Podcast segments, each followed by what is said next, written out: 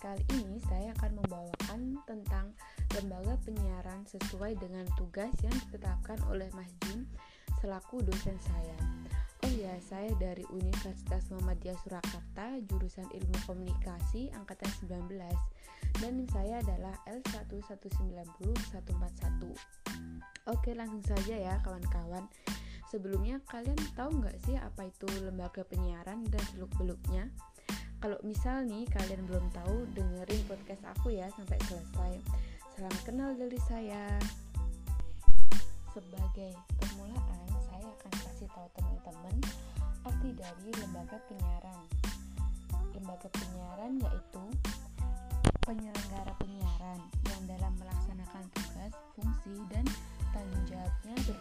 berpedoman pada peraturan perundang-undang yang berlaku. Jadi, lembaga penyiaran itu menampilkan sebuah siaran tidak semerta-merta seenaknya sendiri. Nah, undang-undang yang dirujuk adalah Undang-Undang Nomor 32 Tahun 2002 tentang penyiaran. Setelah kita tahu arti dari lembaga penyiaran, ngomong-ngomong di dalam program penyiaran akan menjadi empat jenis penyiaran loh. Yang pertama jenis lembaga penyiaran publik, yang kedua lembaga penyiaran swasta, yang ketiga lembaga penyiaran komunitas, dan yang terakhir atau yang keempat ada lembaga penyiaran berlangganan. Nah, dari jenis-jenis lembaga penyiaran di atas, mari kita kulik lagi ya arti, da, arti dan contoh-contoh stasiunnya yang ada di Indonesia. Mulai dari lembaga penyiaran publik. Lembaga penyiaran publik adalah hakikat penyiaran publik adalah diakuinya supervisi dan evaluasi publik pada level yang signifikan Publik di sini dibagi sebagai warga negara. Bagi penyiaran publik, pendanaan didapat dari dana publik, iuran, dan iklan yang secara terbatas. Jadi, lembaga penyiaran publik ini lebih mementingkan informasi untuk kepentingan warga negara. Dan format program acara ditunjuk, ditunjukkan untuk memenuhi kebutuhan publik. Nah, contoh dari lembaga penyiaran itu ada BBC, MHK, RRI, dan TVRI yang di mana TVRI masih berjalan sampai sekarang ya. Lanjut ke lembaga penyiaran swasta. Lembaga penyiaran swasta adalah lembaga penyiaran yang menjalankan usaha penyiaran berdasarkan prinsip-prinsip komersial Lembaga, lembaga ini menjual usaha berupa waktu tayang untuk bisa dipasangi iklan. Iklan dan usaha lain yang sangat terkait dengan penyelenggaraan penyiaran. Nah, iklan dalam lembaga penyiaran ini ada dua bentuk. Yang pertama dalam bentuk slot dan blocking time. Setahu saya, lembaga penyiaran swasta ini memperbanyak iklan untuk membayar karyawan karyawannya dan untuk mengembangkan perusahaannya. Sedikit pengertian dari blocking time.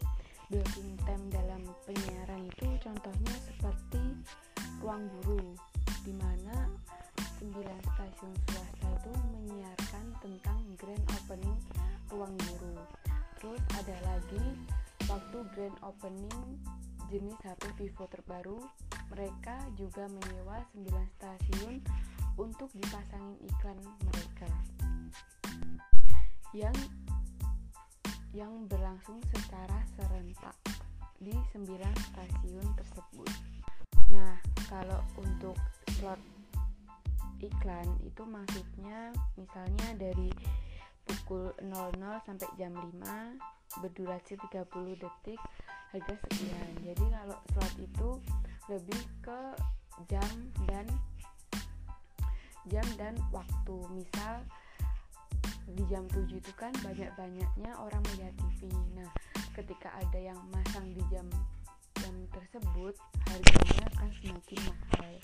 Dan ketika masang di jam 00 sampai jam 5 itu harganya mulai dari yang rendah. Untuk durasinya sama antara eh durasinya sama kurang lebih 30 detik. Sedangkan untuk lembaga penyiaran komunitas adalah suatu lembaga yang didirikan oleh komunitas tertentu yang menjalankan aktivitas penyiaran secara independen atau netral. Dan cirinya daya pancarnya rendah, jangkauan wilayah yang terbatas, terus tidak komen, tidak komersial serta melayani komunitas saja. Lembaga komunitas ini tidak boleh komersil. Yang penting penyiaran komunitas tidak boleh dimiliki atau berafiliasi dengan kelompok usaha yang mencari untung semata. Untuk contoh, lembaga penyiaran komunitas itu ada Gerabak TV di Magelang dan radio komunitas yang tergabung dalam JKRI atau Jaringan Radio Komunitas Indonesia. Sebenarnya, televisi komunitas di Indonesia bergairah di era tahun 2002 hingga 2010. Setelah itu tidak terdengar kiprahnya lagi. Bahkan penulis sebagai pelopor berdirinya Asosiasi Televisi Komunitas Indonesia atau biasa disingkat ATVKI pada kongres di Magelang pada tahun 2008 kini tidak lagi mendengar siaran televisi komunitas baik di grup komunitas di media sosial maupun forum email grup pada pengelola TV komunitas. Semarak stasiun televisi komunitas di era tahun 2008 dimeriahkan oleh berdirinya Asosiasi Televisi Komunitas Indonesia atau ATVKI yang dideklarasikan di stasiun Gerabak TV di Dusun Gerabak, Kabupaten Magelang. Namun sekarang keberadaannya bak ditelan bumi tidak terdengar lagi hirup diskusi dan perdebatan di antara anggota asosiasi dari berbagai penjuru tanah air. Dan terakhir pertemuan Kongres ATF, ATVKI kedua di kampus Institut Seni Indonesia di Yogyakarta tahun 2009. Penulis pada tahun 2010 pernah mengunjungi stasiun televisi komunitas di sebuah pesantren bernama Sunan Derajat Televisi atau SDTV tepatnya di pesantren Sunan Derajat pimpinan Kiai Haji Abdul Gofur di Kabupaten Lamongan, Jawa Timur. Aktivitas di sana seperti ada tim liputan, tim produksi, dan tim sta di stasiun televisi yang bekerja secara sukarela dan secara otodidak dikelola oleh pesa para pesantren bersiaran rutin setiap hari yang berkaitan dengan kegiatan di pesantren Sunan Derajat. Penulis pernah mendirikan stasiun televisi komunitas di kampus Universitas Sultan Ageng Tir Tirtayasa, Serang, Banten pada tahun 2008 juga. Namun, perjuangan dalam membangun stasiun televisi komunitas bisa digeneralisasi sebagaimana dialami oleh Unitirta TV, UIN TV di Kota Serang atau Sunan Derajat TV di Lamongan. Tidak semudah yang dibayangkan karena biaya operasional tinggi dan sumber daya manusia yang tidak semudah dibayangkan menggunakan kader mahasiswa sebagai tim produksi bukan penyelesaian masalah atau proses siaran di TV komunitas faktor-faktor regenerasi, kemampuan dan keberminatan di bidang penyiaran televisi tidak selalu konsisten dan berkontribusi untuk kepentingan tim produksi. Namun, kini di era digital, penggunaan media internet menjadi salah satu alternatif pemecahan masalah. Dari keruwetan menghadapi persyaratan berdirinya stasiun televisi komunitas di berbagai daerah, semua komunitas kini bisa mendirikan stasiun televisi yang secara berdiri berdasarkan komunitas namun bersiaran secara global. Tidak lagi berpacu pada undang-undang penyiaran dan peraturan pemerintah tentang penyiaran komunitas dalam pendiriannya di mana ketika berdiri TV komunitas harus melakukan sistem penyiaran sesuai undang-undang penyiaran seperti halnya tercantum dalam penjelasan peraturan pemerintah di mana bab 1 pasal 1 menjelaskan tentang wilayah jangkauan. Ada salah satu ilustrasi yang mendobrak dunia stasiun televisi komunitas di Indonesia yaitu ada yang berhasil memanfaatkan era digital 4.0 adalah Bina Nusantara TV atau BINUS TV yang kini bisa bersiaran secara digital di internet melalui website. Kita bisa menyaksikan karya mahasiswa dari Universitas Bina Nusantara setiap harinya dan hasil karya produksi siaran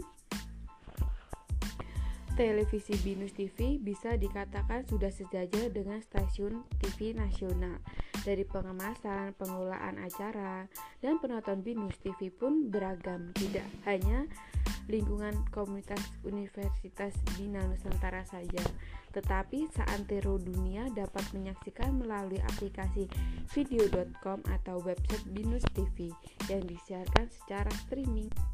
Nah, itu tadi sekilas tentang sejarah dan uh, seluk-beluk dari penyiaran komunitas. Lanjut lagi yang terakhir nih, lembaga penyiaran berlangganan. Lembaga penyiaran yang mema yang memancar luaskan atau menyalurkan materi siaran secara khusus kepada pelanggan melalui radio, televisi, multimedia, atau media informasi lainnya. Dalam memancarluaskan siaran, lembaga penyiaran berlangganan ini dapat menggunakan satelit kabel atau melalui terrestrial. Nah, contoh dari lembaga penyiaran berlangganan ada MNI, MNC Skyvision, User TV, dan Mola TV. Sekian podcast dari saya. Wassalamualaikum warahmatullahi wabarakatuh.